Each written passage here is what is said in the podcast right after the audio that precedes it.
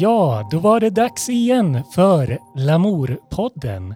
Det är uppe i avsnitt 122 och det är med mig Robin Forsgren och så mitt emot mig Det är jag. eh, Ja, Viktor Seidner med behörigt avstånd. Ja, vi, vi, har, vi har mätt ut avståndet. Ja, Eh, precis. 1,8 meter är det mellan oss exakt här. Och med oss på länk från Stockholm har vi Konrad Ilke. Hej. Hallå! Hej! Stockholm eller är det Uppsala? Ja, nu är det Stockholm sen, eh, sen, en, sen i somras. Jaha, du, du bor där nu alltså? Precis, jag fick nog efter 30 år i hemstaden. Jaha. Jag har ju sett härliga grejer på Instagram när du har hållit på och byggt studio. Ja, precis. Det är ett eh, evigt projekt känns det som. Ja. Man, eh, man hittar alltid någonting som ska ändras, men eh, det, Det börjar ser- bli... Ser Det blir jättehärligt trivsamt. ut tycker jag. Ja, men det är fint nu. Ja, men jag har ju sett mycket eh, att du säljer av grejer, studiogrejer. Men har det kommit in något nytt eller är det, har du liksom ett gigantiskt förråd av hardware liggandes? Jag har väl kommit upp i en nivå där jag känner att eh, ska jag köpa något så eh, måste jag nästan sälja något. Eh, sådär. Men det är visst, jag köper och säljer grejer för att prov, ja, prova mig fram. Det är, i, i, i, drömvärlden så har man väl ett fåtal instrument som, som man verkligen trivs med. Men eh, det gäller ju att, att välja ut de få instrumenten som man ska jobba med. Så att, så att, eh, det, det blir att man, man köper grejer, vissa grejer behåller man och andra grejer åker ut igen. Så att det, ja. Ja, precis. Ja, vi kommer nog prata ganska mycket hårdvara idag och eh, ja, men live, live musik och eh, musikskapande eh, överlag. Sådär. Men ska vi, innan vi fördjupar oss i det, ska vi köra fem snabba frågor? För gata eller skog? Eh, skog. Ha. eh, julrelaterat, Last Christmas eller All I Want For Christmas? Uh, måste man välja? Du kan ju Eh. antingen välja bort eller välja till Ja, nej, men vi tar första då. Vilken var det? Last Christmas. Last Christmas, ja, Ja. blir bra. Eh, låna, eller läsa bok eller lyssna på podd? Det känns som att eh, lyssna på podd är det alla svarar och det är väl även jag. Eh, enklare så. Ja. Eh, sport Ja. eller konst? Eh, ko- ja, vänta här. Ja, konst. Det blir nog konst. Ja. Men om det skulle varit sport, skulle du valt hockey eller störtlopp? Ehm, störtlopp. Hockey har jag svårt att följa med för att jag tycker pucken är så liten så jag ser inte vad de jagar när de springer där på Det, isen. det är sant. ja, det går för om. fort för mig. Ja. Men störtlopp, det, det går lagom snabbt tycker du? Ja, det går ju fort också men det är ju större projektil som far ner för backen. Bara en person att följa med också. Ja, men man kan säga, Precis. ishockey är väl kanske 130 bpm medan störtlopp, där är vi uppe i 180 bpm. Ja, Jämt. men det gillar jag. 130, Känn- det är för långsamt. Ja, jag håller med helt. Mm. Rent känslomässigt sådär. Men då vet vi allt om Konrad, ungefär. Var, det, var, var det fem snabba? Det var fem snabba, ja. Gud vad Det- snabbt det gick. Ja. ja det, det är superbra. Eh, Robin har dragit upp regeln Ja, nu. börjar jag smyga ut en liten låt här som du har tagit med dig Konrad. Så vi kan väl lyssna på den så kan vi prata lite mer om den sen. Mm.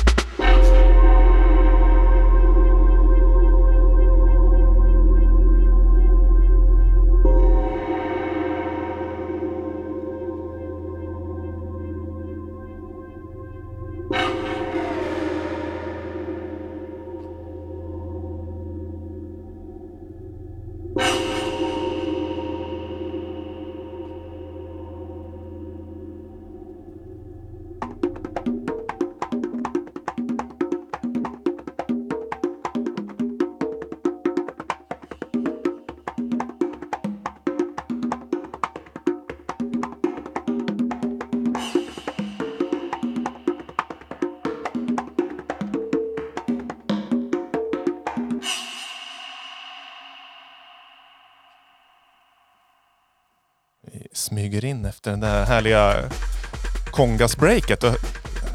Här står det på ordentligt. Vad är det vi lyssnar på? Eh, vi lyssnar på Mala, en eh, kille från England, UK dubstep-snubbe. Eh, och den här plattan är, heter Mala in Cuba, så han åkte till Kuba och lyssnat och inspirerats av rytmerna som hörs där Det är- helt enkelt. Väldigt tydligt att man hör liksom den här samba-rytmen i trummorna. Det låter väldigt härligt och somrigt tycker jag. Somrigt, Väldigt- ja, ja det var fint. Väldigt klubbigt på samma gång också. Ja. Ja, var det svårt att välja ut låtar eh, att ta med idag? Det är jättesvårt ska jag säga det. Jag höll ju på igår kväll och i, i morse, jag hann ju ändra mig en gång där också, men sen så kände jag att nu får det, nu får det fan räcka. Eh, jag lyssnar ju på väldigt mycket musik, så att, jag tänkte så ska jag välja något som inte är elektroniskt, men eh, ja, jag vet inte. Jag får, som, som jag sa tidigare, jag får vara med flera gånger helt enkelt. Ja men verkligen. Absolut. Där, eh, vi rör ju oss i, i liksom technosfären. Eller så tänker jag mig i alla fall när jag, när jag tänker på eh, Konrad Ilke. Är du liksom true till technon eller eh, har du fler genrer i din låda? Eh, alltså när jag framträder och när jag spelar så är det ju techno som jag nog förknippas med mest. Men eh, när jag är hemma i studion så känner jag att det finns väl större frihet att jobba i andra genrer också. Eh, det, det känns som att eh, även om jag vill spela något annat på scen så känns det som att det förväntas en del av en utifrån vad man har spelat tidigare. Och det måste man också leva upp till lite grann. Eh, så att, eh, ja, det är mest techno, men hemma så är det ju inte så mycket techno jag lyssnar på, utan eh, allt eftersom att jag har producerat techno så blir det att jag lyssnar mindre och mindre på sån musik, för att jag orkar typ inte höra dunka-dunka när jag själv inte gör den, så att säga. Men du, du har alltid kört techno då? Producerat techno från första början du började? Ja, precis. Det började med det eh, och sen så har det väl fortsatt. Eh, som sagt, jag gör ju annat i studion också. Housigare grejer och mer melodiska grejer och ibland så struntar jag helt i rytm och jobbar bara med ljudlandskap. Men, eh, men det jag spelar ute är ju techno. Hur kom Ja. du in på att börja göra musik från början? Eh, alltså jag har en väldigt lång musikbakgrund. Eh, jag har ju spelat instrument sedan jag var fem år kanske. Började med cello. Eh, och eh, jag har fyra Stor systrar gitarr. som också... Ja, gitarr vet jag inte om jag har spelat, men, men cello har jag spelat. Eh, och jag har Jag fyra systrar cellon som... ju, brukar ju säga det är en stor gitarr. Jaså, ja, ja, Ja. ja. den har jag inte hört. Försökte skämta lite men... Eh, sorry. eh, nej, men som sagt, jag har spelat cello sedan jag var fem år och fyra stycken syskon som också spelar stråkinstrument. Så att, eh, vi var som en liten orkester hemma när vi växte upp. Och sen så har vi alltid haft piano, och dragspel och flöjter och allting liggande samma. Eh, och sen så fortsatte jag i musikklass när jag började grundskolan i kör, körsång. Då, så att sjöng jag varje dag från, från att jag var 10 till att jag var 15 år. Eh, Ja, det är en sån där som man blir lite avundsjuk när man hör, hör historien. Och så bara tänker man, ja men det är väl klart att han, det är därför han kan göra musik. För han har liksom hela upp, uppvuxen med det runt omkring sig. Sådär.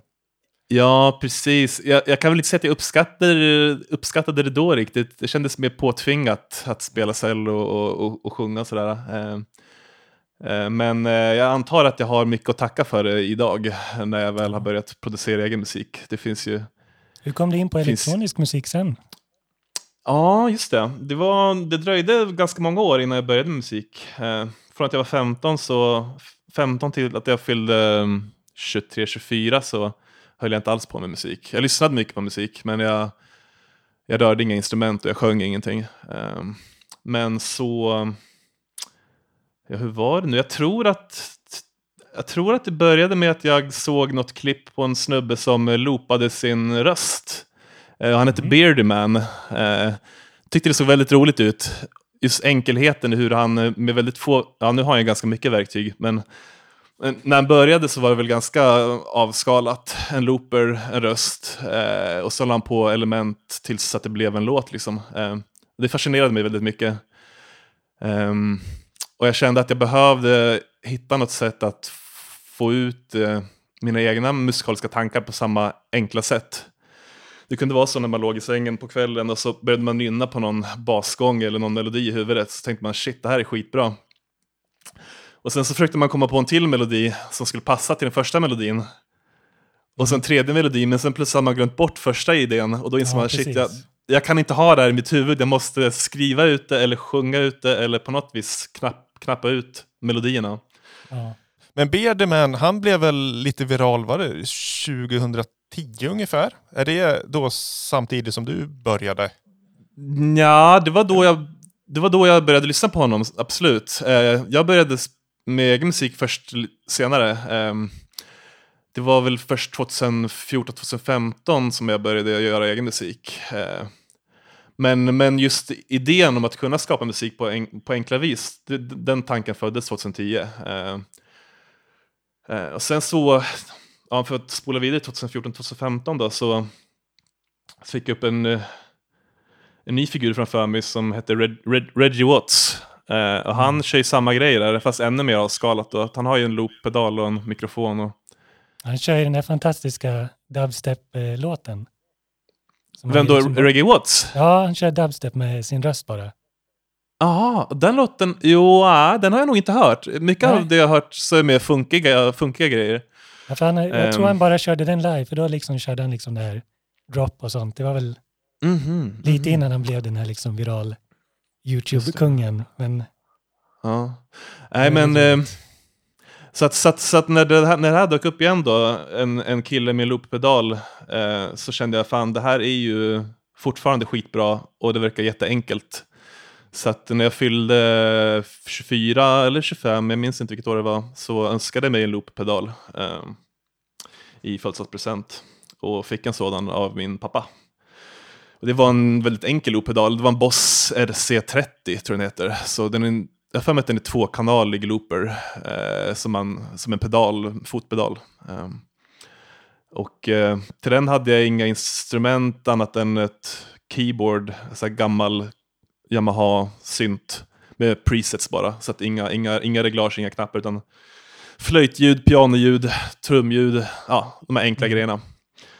Så att med den och eh, loopen så började jag då loopa eh, och göra enkla beats. Eh, det var, minst, det, var, det var roligt men det var knepigt för att, jag vet inte om ni känner till den här loopen men första inspelningen man, man gör, den bestämmer längden för alla kommande loopar. Så att om jag trycker på rec med foten då och spelar in 8 sekunder, eller 8,5 sekunder eller vad det blir, då kommer, eh, då kommer alla resterande loopar som kommer efter, de måste rymmas inom den tids, eh, Mm. tidsrummet. Då. Ehm, så det var lite knepigt. Ehm, och eh, man kunde inte heller ta bort lager som man hade lagt på. Man kunde bara ta bort det senaste lagret som man hade spelat in. Så spelade jag in 5-6 lager, då, då kunde jag bara ta bort det senaste. Då. okej. Ehm, men ehm, ja, så började Och det. sen, sen blev det liksom mer... Kom det in sen på techno då efter det hade loopat lite och så vart det... Mm, ja, ja, alltså jag lyssnade inte på techno. Det var fortfarande mycket mm, um, UK dubstep, det var uh, dub tech, eh, inte- ja inte dub techno, men dub var det, mycket dub. Så att det var ju mycket elektroniska inslag i det, men det var inte dansmusik i 130 direkt. Um, utan det var först, um, jag tror att det var 2015 också då, då ett gäng av mina vänner skulle åka till en festival som heter In- Intro Valley. Och um, jag kände så här, ja, jag vet inte, kollade på line-upen, kände inte igen ett enda namn. Men jag tänkte att det är, väl, det är väl en rolig fest, om alla mina polare ska dit så kan jag väl följa med av den anledningen. Eh, åka dit och kröka. Men, eh, men musiken, jag hade ingen aning och den tilltalade mig inte heller när jag lyssnade på några av klippen som jag fick skickade. Eh, så jag åkte dit. Eh, det var väl roligt, inget märkvärdigt. Musiken, eh, ah, jag vet inte, jag kände inte så mycket för det. Men mitt i allt det här så, ja det var ju något, något av DJ-setsen då som musiken plötsligt tystnade. Ehm, allting försvann och sen så hörde jag hur trummor började komma in. Väldigt avskalade trummor, eh, väldigt primitivt. Ehm, eh, och då förstod jag att det var Jeff Mills som stod på scen. Och han hade dragit igång sin 909. Eh, och det, mm, där märkte jag väl att det här, nu är det någonting annorlunda som händer. Nu är det inte ett DJ-set som alla andra DJ-sets, utan nu är det faktiskt eh, någonting skumt som hände. Så jag började väl ta mig ner mot scenen och kolla vad det som, vad det som sker egentligen. Eh, folk blev ju alldeles hysteriska när han började spela på 909 och min nyfikenhet bara växte när jag, när jag såg honom faktiskt knappa och slå med händerna. Han gjorde någonting, hans, hans rörelse med händerna var i synkronisering med ljuden som kom, så jag förstod att han spelar ju faktiskt musik just nu för oss. Eh, Ganska sjukt att se honom även bara på en YouTube-klipp och spela på sin... Man blir liksom väldigt förundrad hur det går till. Fantastisk Ja, upplevelse. precis. Precis. Eh, så att det jag gjorde när jag kom hem från eh, Intervalley med den här erfarenheten av att se Jeff Mills, det var att jag gick in och youtubade och kollade på liveklipp just där han spelade eh, på trummaskinen. Ehm, och då visste jag inte vad trummaskin var. Jag hade ingen aning om sånt. Ingen aning om syntar eller någonting. Eh, men jag kände bara att jag vill göra det han gör. Eh, och en googling, en googling senare så förstod jag att den 909 den kostar ju mycket, mycket mer än vad jag har råd med. Eh, så att där dog drömmen lite. Men eh, jag förstod att eh, det handlar ju om att göra musik. Eh, det viktiga är kanske inte att ha en 909 från, som första instrument. Nej, precis. Ja, det är skaplig, vad säger man, eh, ribba Ja, som läggs om man har eh, Jeff Mills som referens. Men vad vad underbart ändå att eh, liksom en, eh, ett live-upplevelse ändå förändrade ja, men ditt, din syn på musik, låter det ju som. Ganska stort. Mm. Precis, precis. Eh, jag, kan tänka, jag tycker att likheten, alltså man kanske tycker att det är ett stort kliv mellan Reggie Watts och Jeff Mills, men det, det Jeff Mills gjorde var att han, han använde väldigt få element för att skapa ett groove, en rytm, eh, och för att fånga med publiken. Och jag tycker, tycker Reggie Watts och Bearded Men också jobbar på det viset, att de försöker på, bara på kort stund få upp en låt, en, en, ett groove som, som, som fångar publiken. Eh, så det var väl det som fastnade för mig där, att, eh, att med enkla element ändå få någonting att låta så jävla bra. Eh, Eh, bara en röst och eh, loopat tre, fyra gånger kan bli en hel låt och bara en trummaskin eh, kan också bli liksom värsta grejen. Så att, ja, det var verkligen ett moment jag kände att jag kan inte fortsätta leva som jag gjort innan Jeff Mills. Ett före och ett, ett efter Jeff Mills helt enkelt. Vi, vi ska få njuta lite av din egen musik nu så ska vi få höra mer om låten efteråt. och stål. Sten. Betong. Armeringsjärn. Och stål. Det låter hårt. Men resultatet är ljust. Graciöst bländande vackert.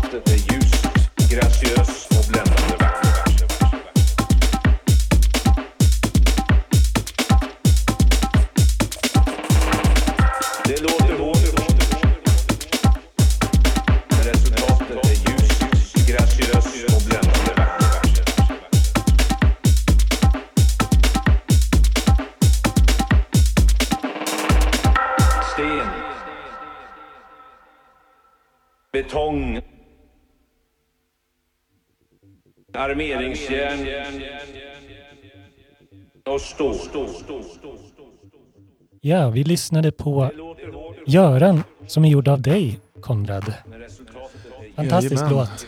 Ja, vi bröt av den precis när den sköna 303-knorren kom in. Men jag tänkte innan vi, vi får reda mer om den här låten, så för eh, de som sitter i Gävle och lyssnar på podden och liksom känner igen namnet.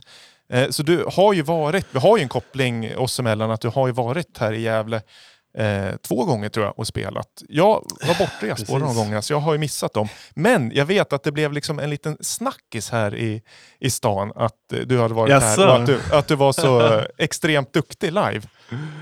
Oj, oj, oj. Vad, ro vad roligt att höra. Eh, det, det är jättekul. Gävle har ju ändå en plats i mitt hjärta som är ett av de bästa ställena där jag har spelat. Eh, fint. Bäst teknisk service och eh, ja, väldigt varmt välkomnande. Eh, god mat också. Underbart. Underbart. Mm. Och det var väl technopicknick? Har det ute i Bolongeskogen Precis, det var första Och- gången. första och sen på Futuristerna, succékonceptet eh, som vi Just det. körde 2019 var det?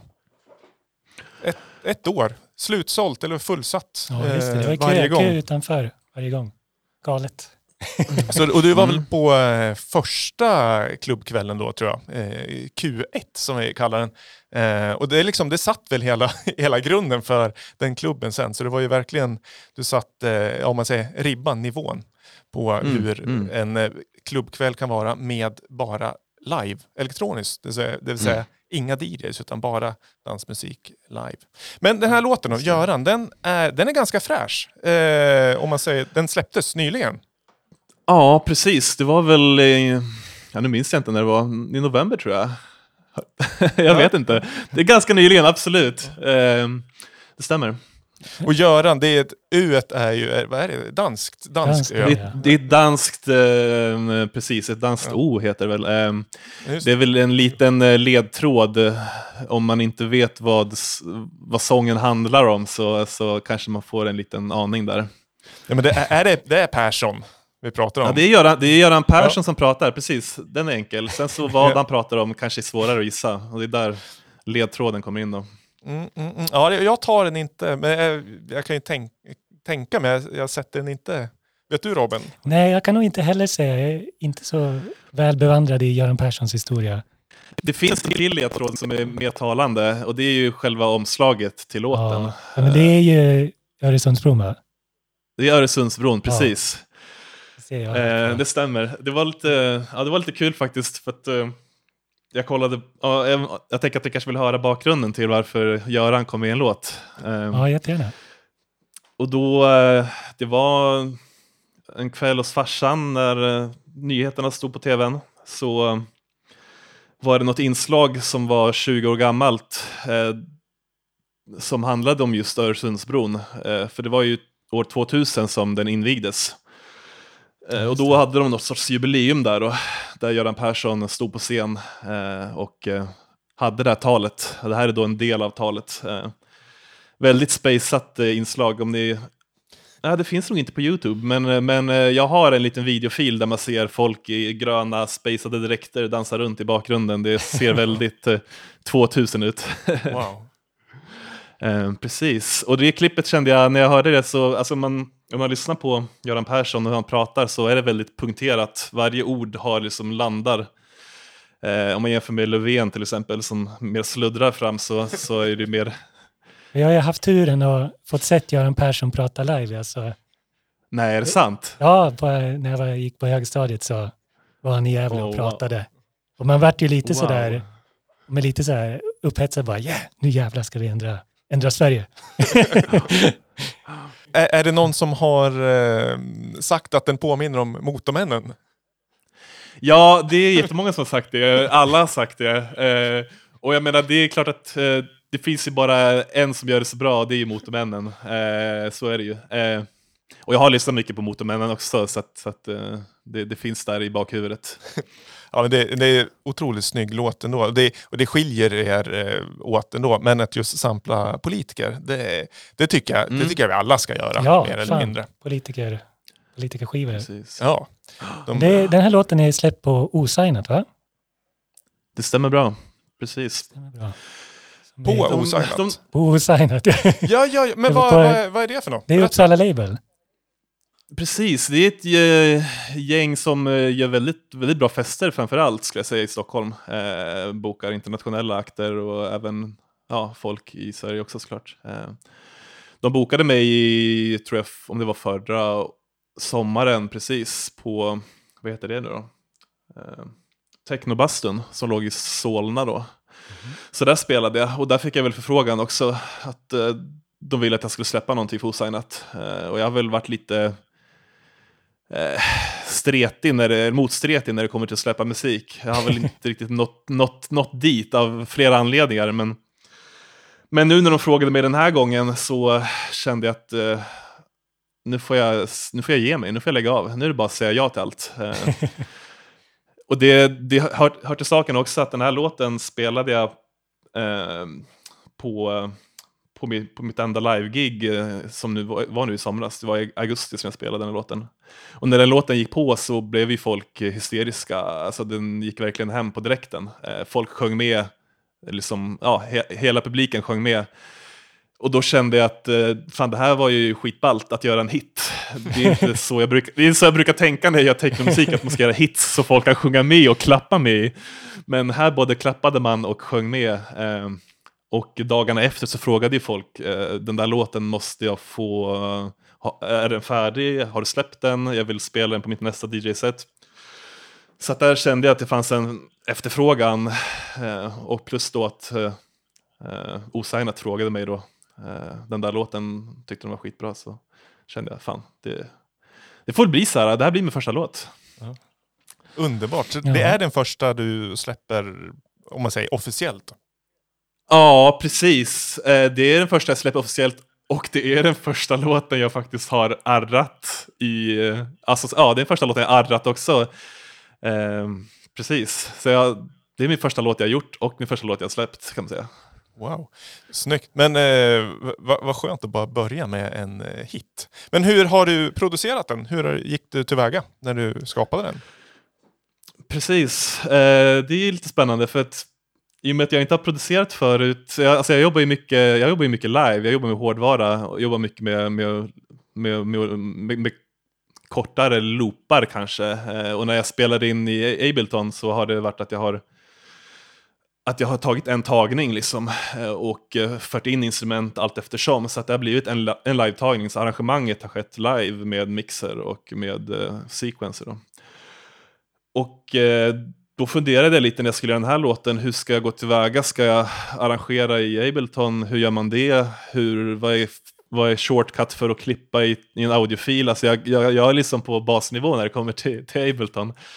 Så att jag tänkte att nej, men jag gör väl det jag är bäst på. Jag arrar, jag arrar i min sequencer. Uh, nu har jag aldrig gjort ett så långt arr på sex minuter i en hårdvarusequencer, men uh, den här låten är helt, eh, helt arrad i, i hårdvara så att jag har liksom inte klippt någonting utan tryckt på play en gång och sen så har jag lekt med lekt med decay och med effekter på mixbordet och sånt där. Ja, så det innebär ju också att du kan, eh, om man säger återuppspela den live på ett ganska naturligt sätt antar jag. Ja, precis. Eh, den går att spela upp precis som den låter. Det är som sagt ing, ingen efterredigering i arrangemanget i, i, i Ableton, utan det, det Och vad är det för instrument du har använt? Eh, den här gången så använde jag en eh, TR8S från Roland trummaskin. Eh, jag har ju, det är 808-kittet som jag tror jag använt mestadels. Eh, och eh, jag har ju original trummaskinen också, men det kändes, i den här låten så har jag automatiserat ganska mycket. Man, om man lyssnar på kicken så har den olika pitch och olika decay på, på, på slagen. Och sånt kan man inte göra med originalen, medan med eh, ja, de här nyare modellerna så går det ju att går det ju att ställa in på varje step, både tuning och decay. Så att, um, det var väl den som, eh, ja det började ju med samplet då, det var ju där vi, där vi började med att klippa upp det då, och sen så la jag trummor med T8 S och eh, avslutningsvis en 303 då. Så det är ganska avskalat. Låter helt fantastiskt. Är, är det en eh, 303-klon eller ha, sitter du på en, en äkta?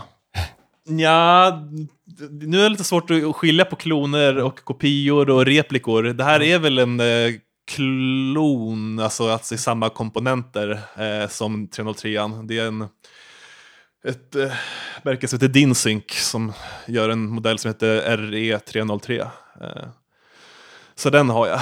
Eh, den går ju även att styra via midi från extern sequencer om man, om man vill vara sån. När man säger det till de här eh, gamla gubbarna att man inte sequensar från 303ans interna sequencer, då blir de ju galna, men det får de Det är stå ut sant. med. Det är, det är viktigt att hålla, hålla ordningen i technosvängarna. Eller inte? Eller inte, det är väl så man ska arbeta. Men vi ska väl gå vidare med våra fasta segment nu. Ja, vi, vi kommer inte undan dem. Nej, vi, vi vill prata mer eh, hardware, Och- men vi, vi hinner det. Nu har vi inte bestämt vilken som vi ska börja med, men vi kör väl min och börjar Ja, med. men börja med din tycker jag.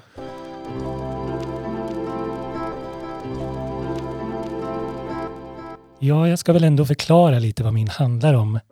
Mitt segment heter ju Du har hört den förut och jag spelar ju en låt, en ny låt med, som har en sampling eller ett liknande element från en gammal låt. Så vi ska köra igång. Och då ska man liksom, eh, det är lite tävling här också. Man ska Ja, liksom men precis. eh, Det är, Victor leder ju ganska stort i den här veta tävlingen. vad det är du syftar på för gammalt Yes, men då original. kör vi igång här.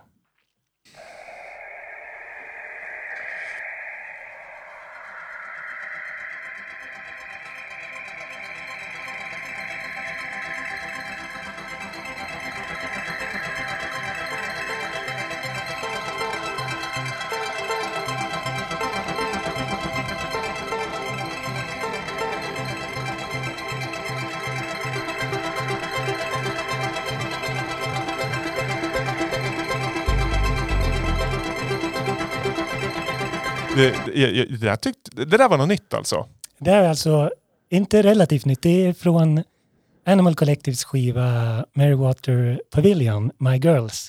Deras hitlåt från 2009. Aha. Men jag tyckte eh, det lät som The Orb. Little, Ja, Little Fluffy Clouds. ja, det är en bra gissning, men inte riktigt. Har du, kan du, det är liksom den här syntslingan som jag fokuserar på i början.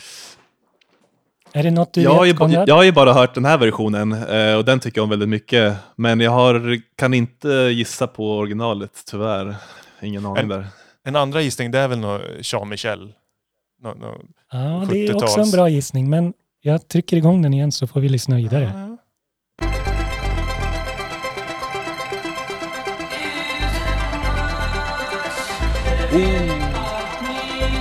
Vet du nu Konrad?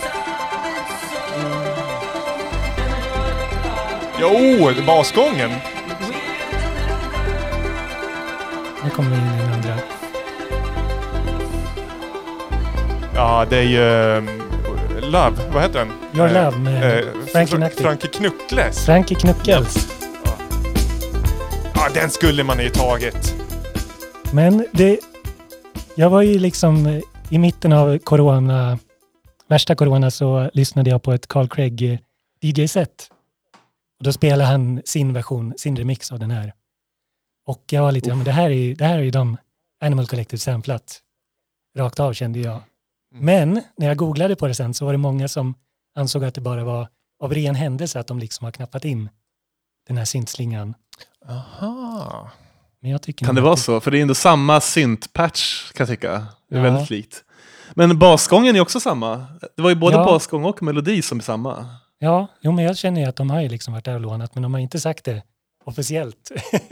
Mm. Ja, de är ju ändå ganska Jag tror- kända som samplare och lånare. Och, Precis, liknande. jag tror det är svårt att komma undan med det. Alltså, låt, låt hända att det, är, att, att det är så, men eh, jag vet inte fan alltså.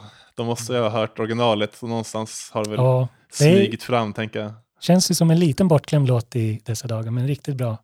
Eh, Frank Knuckles. Frankie Knuckles, ja. Ja, det, det var- det var ju så fint när han gick bort, vad är det, två, tre år sedan. Mm. Så eh, det blev ju liksom en kollektiv grej att alla skulle lyssna på den där låten för att få upp den på eh, ja, men topplistan som Mm. en hyllning till honom. Så jag satt ju Mm.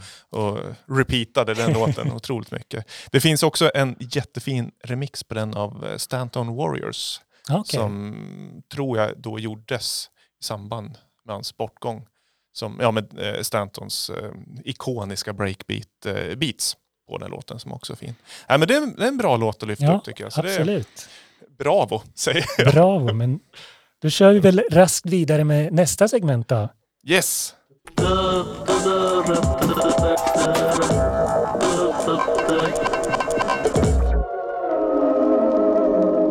Of all the tributes written to the memory of the men of the USS Arizona, perhaps the most moving was penned by retired Chief Petty Officer Jack Langham.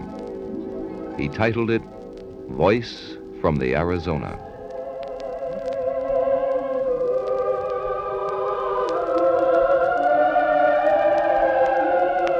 It's time to break the silence I have kept for many years.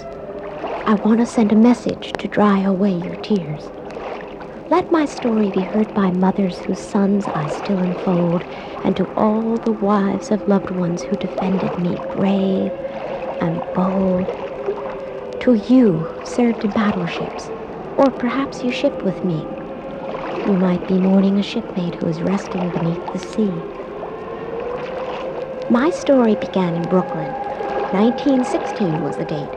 They christened me Arizona after the son of Ja, vad är det vi lyssnar på, Viktor? Sänka lite. Vad vi lyssnar på? Eh, ja, det är ju frågan. Det är ju, jag letar ju reda på något riktigt smalt och ehm, udda ur min skivsamling. Och ehm, ett tag tänkte jag att det här kanske inte är så konstigt eh, ljudligt. Eller vad säger ni? Hur, hur smalt kändes det där? Ja, alltså, jag fick ju känslan av att det kanske var att det är typ havet som pratar på något Mm, sätt och pratar liksom om typ några soldater eller något. Eller det är liksom någon typ av någon plats som pratar liksom till folk som har liksom försvarat dem eller liksom slagits för den. Ja, ja men du, du är rätt. Har, Konrad, har du någon teori? Nej, alltså jag, om jag sväljer, jag zonade ut helt när jag hörde den där låten. Det blev som någon meditativt... eh, jag vet inte, jag bara kände så här, vänta, vad, vad fan, sitter jag i radiosändningar? Eh, så att jag, eh, jag försvann där ett tag. Det var jätteskönt att höra på. Ja, det, det trevligt. Det grejen är att den här tog jag faktiskt med, inte på grund av hur den låter utan hur den ser ut. Men det, det slår mig nu att det, innehållet var ju ganska intressant också. Men jag håller upp den framför eh, själva eh, datorn här så att Konrad ser den också. Ehm, och Robin, vad, vad, vad är det som är så speciellt med den här? För om man säger lyssnarna ser ju inte vad, vad jag håller i nu. Det är två, två hål. Två hål. två hål på skivan. Ja, och, Wow. var, var, och var, varför är det två hål? Det är för att det är en ankare. Ja, det är, Ja, jag är dålig på att förklara, men det är väl för att man Ja, det- ska kunna hänga den på något sätt, eller? Ja, exakt. Det här är alltså en souvenir. Eh, från, som, det är alltså det är en 7-tums picture disc som i sin tur är fastsatt på en 9-tums eh, lite tjockare plastskiva. Så tanken är då att man ska kunna hänga upp den på sin vägg. Eh, eller spela den då, om man använder andra hålet. Och, det, och det, det, är ju, eh, det handlar ju om eh, Pearl Harbor. Det är en Ah, souvenir okej. därifrån. Det vill säga ehm, attacken eh, Ja. 1941 när det var eh, 2403 personer som omkom. 1178 skadades. Eh, köpt liksom på, eh, vad, vad heter det, minnes... Eh, Memorial. ja, Voices from the Arizona. 1973. är den ut- Otroligt utgiven. vacker skiva. Ja, den är, eh, den är Den- riktigt vacker. Jag tyckte att den påminner väldigt mycket om en gammeldags sån här tallrik som man hänger upp på väggen. Just Ja, den här blåa färgen, porslins, porslinsfärgen. Sådär. Ja, men verkligen, det är kanske är det som de har haft liksom, i å, åtanke. Sådär. Det är, man råkar köpa fel så tar man en sån tallrik kanske. Ja. ja. Den här skivan, eh, ja, ni som har hängt med det här segmentet ett tag vet ju att det är, det är liksom lite konstiga saker. Och den här är beställd från en, en dansk eh, skivbutik. Och jag är ju mycket och letar i non-music-facket. Och som, den här hade jag ju ingen aning om vad, vad jag skulle förvänta mig. För det fanns ingen bild på den. Eh, så det var en ren gissning eh, när jag köpte den. Och jag blev superglad. Ja. Så vad, vad, betyg 1-5, smalhet? Ska du börja Konrad? Ja, den är ju en är- är fem högt, alltså väldigt smalt, eller? Ja, då Ja. skulle jag säga att det är, då är det väl en fyra, tycker jag, den, den landar på. Ja. Får fyra mig. Ja, jag, jag är beredd att hålla med. Det där tyckte jag nog var kanske nog det smalaste på länge. Ja, men alltså jag är lite besviken. Är det inte värt en femma då? Den är ju både Ja, ljudligt smal och eh, fysiskt smal. Hur många är det liksom eh, souvenirer som sitter på väggarna hemma? Det Det, är sant. Jag, är, jag brukar ju vara lite snällare så jag ger väl den en femma. tjata till med en femma. Ja, men det är väl så, så man får liksom högsta betyg. Man tjatar till det. Känd från skolvärlden. Ja, vi, vi lägger den till handlingar och, och, och ja, vi, vi avslutar Slim smala skiva för den här gången. Perfekt. Men eh, då kör vi väl igång en till låt från dig Konrad.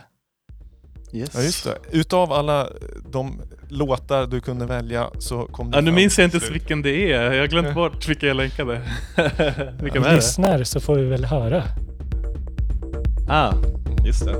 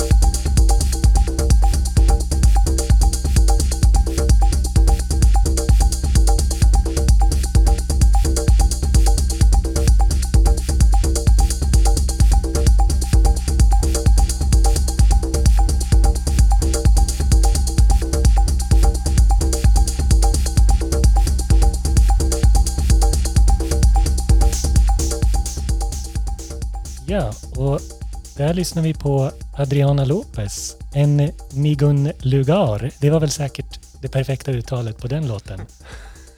Absolut. Varför Snyggt. valde du den här låten? Eh, då ska vi se här. Det är väl eh, återigen en låt som har väldigt få element. Men, eh, men med tiden, ju mer man hör på den så inser man att de få elementen hon använder används väldigt väl. Och att det, det händer lite grejer. Det är lite polyrytmik i basgången som gör att den känns föränderlig under låtens gång. Ehm, jag är mycket för det där, eh, få element eh, och ändå få det att låta väldigt eh, mäktigt. Ja, det, Det är känns lite, som att det- lite samma värld som Jeff Mills. Precis, precis. Precis, och det känns som att det är, det är lätt att, att bygga upp en låt med många element och mycket melo melodik, men eh, att, att eh, Lite smalna av mer, det lite mer till... utmaning. Ja, precis. Så det, det går väl också lite hand i hand med hur jag själv eh, har tvingats kompromissa när jag spelar live. Eh, Man kan ju inte ta med sig mycket gear som helst på, på scen. Så då får man jobba med få element. Men hur ser ett typiskt Konrad live-set ut rent setupmässigt? Det är någonting som, eh, som har förändrats en hel del sedan jag började. Eh, initialt så ville jag ha med mig ganska mycket på scen. Jag hade så mycket coola prylar som jag ville ha med och visa. Eh, vilket senare visade sig vara till mer besvär än nytta. Eh, för står man där på scenen och har fyra, fem modulärsyntar utan patchminne som man ska liksom försöka ratta in rätt settings med, med telefonen och en liten bild till hjälp. Det går liksom inte att göra. Det dödar lite flowet om man säger så. Um, så att eh, det har gått från att ha två trummaskiner och fyra, fem, sex syntar till att jag nu mm, Senast hade jag bara T8S och Octatrack faktiskt, så ingen synt, bara trummaskin och sampler då. Men eh, i den bästa världar så vill jag ha två trummaskiner på scen och jag vill ha en polysynt, en monosynt eh, och gärna en sampler. Det, det täcker hela spektrumet känner jag. Programmerar du sequence, eh, se- sekvenser, vad heter? Programmerar du eller kör du on the fly liksom? Jag eh, programmerar on the fly skulle jag säga. Ehm, I början när jag började gigga då, då förberedde jag mig och hade låtar som jag tänkte att de här ska spela. Och sen hade jag alltid lite utrymme för att improvisera. Men eh, med, jag vet inte, det, när man spelar sina låtar i studio kontra när man spelar sina låtar live, det kan skilja sig ganska mycket i hur det låter, eller hur man upplever att låtarna låter. Eh, så att jag kände att jag är ganska självkritisk och, och därför mådde jag ganska dåligt efter varje live-gig för att jag upplevde inte att låtarna lät som jag ville att de skulle låta helt enkelt. Så då gick jag ganska snabbt från att ha låtar till att skita helt i att ha låtar. Så att eh, eh, de flesta av mina sets har jag gått upp... Ja, precis, precis. Har man inga förväntningar på sig själv hur det ska låta, eh, då, då, då blir det... Då släpper, då släpper man den där ångesten. Eh, samtidigt så... det finns ju en annan ångest, det finns en annan ångest som, som kan växa fram när man inte har material. Och det är ju att Tänk om jag inte kommer in i flowet. Eh, tänk om det händer någonting som gör att jag låser mig helt och hållet. Och det har ju hänt många gånger att man eh, i, i början av setet kanske gör, råkar dra upp fel reglage på mixen, någonting som inte ska låta börjar låta. Eh, och man känner att nu jävlar går det åt helvete. Och då minns man plötsligt bara 10-15% av vad man annars har förmåga att göra. Eh, just för att man blir så, Ja. ja, man blir så nervös helt enkelt. Jag hade ju alltid, när jag började spela mer live, att jag var så orolig att fan, det här kommer inte räcka en hel timme. Men jag har ju alltid blivit motbevisad att en timme räcker sällan till att få ut allting man vill få ut. Precis, låtarna går oftast längre tycker jag när man spelar live. Eh, jag upplever att jag har att jag har eh, mycket utrymme att improvisera och har jag en, är det så att jag har en färdig låt som jag vill spela så, så kan jag efter att jag har spelat den låten improvisera vidare på den och göra någon sorts remix live. Liksom. Eh, le leka med elementen som jag har och göra någonting nytt av det. Eh, så att, eh, nu för tiden så kör jag väl att jag har, jag har väl kanske 50% som är förberett. Och sen så har jag lika mycket tid till att improvisera och göra någonting nytt på. Men det är det där som är det otroligt fantastiska med eh, live och framförallt improviserad musik. För jag känner igen det där, man är ju nervös, man vet liksom inte riktigt var man ska landa. Men att ha den möjligheten att styra det precis där och då med de känslor som finns för den lokalen, det är soundsystem och allting. Och när man får till det som allra bäst, då tycker jag den är helt oslagbar om man jämför med eh, ja, men, man kör färdiga låtar. Liksom. De, då ska man ha Mm. ganska tur att det blir en så supermatch, att de blir liksom perfekt för det tillfället där och då. Men det blir ju lite nervositet, så här, precis som du säger, man kommer med en palett och så ska man försöka hantera situationen eh, Mm. och liksom energin i rummet och sin egen energi och, och sådär. Men var har, eller var spelar du någonstans? Var kan man ha hört dig? För du har ju spelat mycket. Eh, precis, precis. Eh, det har ju varit mycket på utomhusraves, ska jag säga. Majoriteten har väl varit utomhusraves eh, i Uppsala, men sen har det även varit eh, mitt andra gig, det var i Visby, på någon folkhögskola där. Jag har också spelat i Gävle två gånger, Stockholm, Jönköping på Varuna. Det var också ett magiskt tillfälle.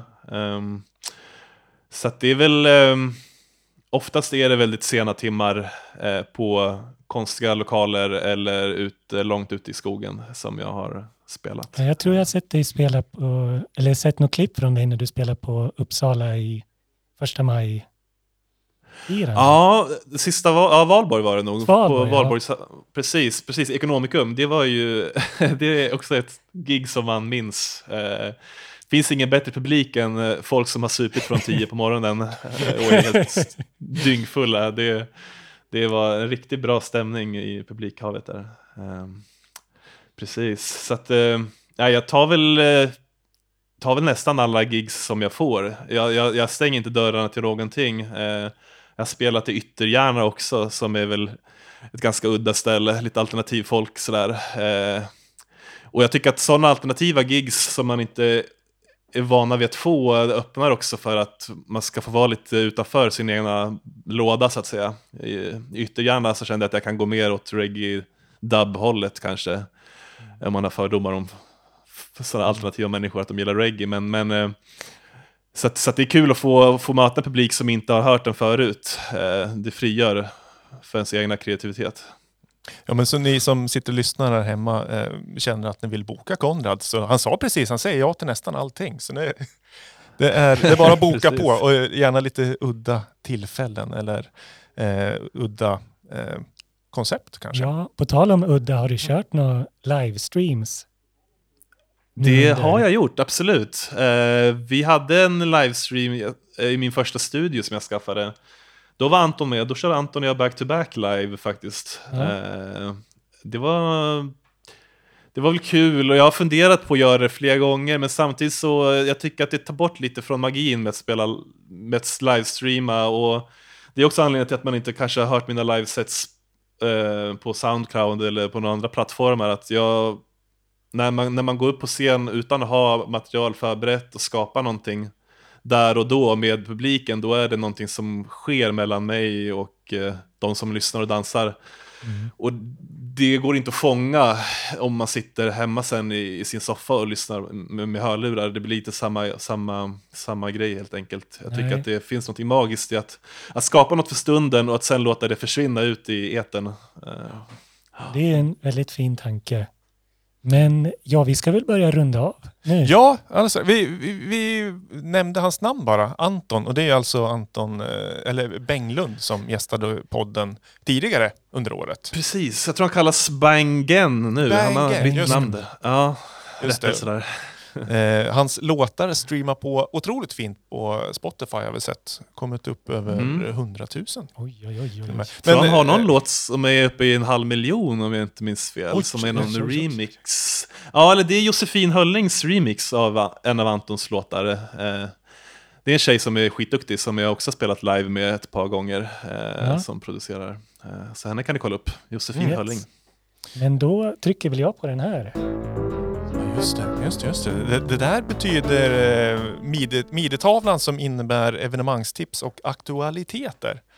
Och, eh, vi, det är inte mycket live-sammanhang eh, just nu, men eh, vi har ju en, eh, en kommande livestream, apropå streamade saker. Så på tisdag, eh, tisdag den 22 december, så blir det en uppesittarkväll med eh, oss från det här rummet vi befinner oss nu, det vill säga Lamour podcaststudion i centrala Gävle.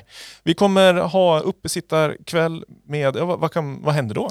Ja, vi kommer bland annat bjuda på eh, årets bästa låtar, årets bästa meme och eh, lite julmys och en quiz har jag hört ryktas om. Ja, just, just Och en rimstuga också. En rimstuga var det ja. Ehm, just det, det var, låg ju på mitt bord att fix- fixa rimstugan där. Ja, om, om, om ni som lyssnar sitter och eh, är väldigt pepp på att skriva rim så hör av er till eh, mig då för jag behöver lite hjälp med personer. Sådär. Men det Och- ligger ett Facebook-evenemang ute som man kan trycka i att man kommer och Absolut. så finns det en länk till livestreamen. Ja, och det är också så här att man kan delta själv i streamen via Zoom så man kan liksom ringa in och så kommer man med med ljud och eller bild sådär.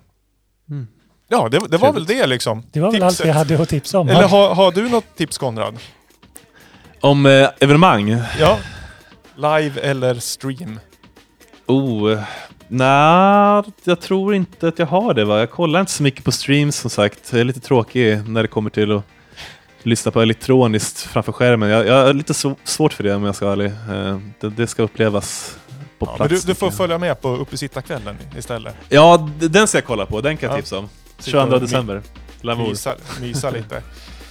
Vi, vi håller där Ja, och så får vi tacka dig Konrad så tack så Mycket. jättemycket. Tack du själv kunde för vara att jag med. vara med. Absolut. Var, Och sen eh, får vi återkomma och lyssna på mer eh, musik från dig Konrad. det hoppas jag. Trevligt.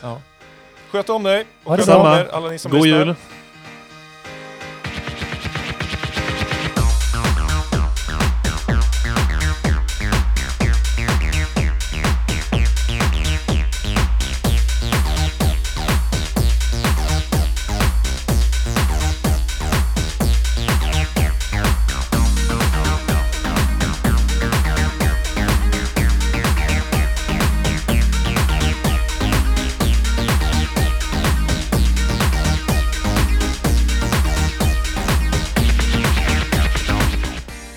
Låten som avslutar podden det är eh, Magnus Moody som är med från eh, samlingen Because We Love Music 2020.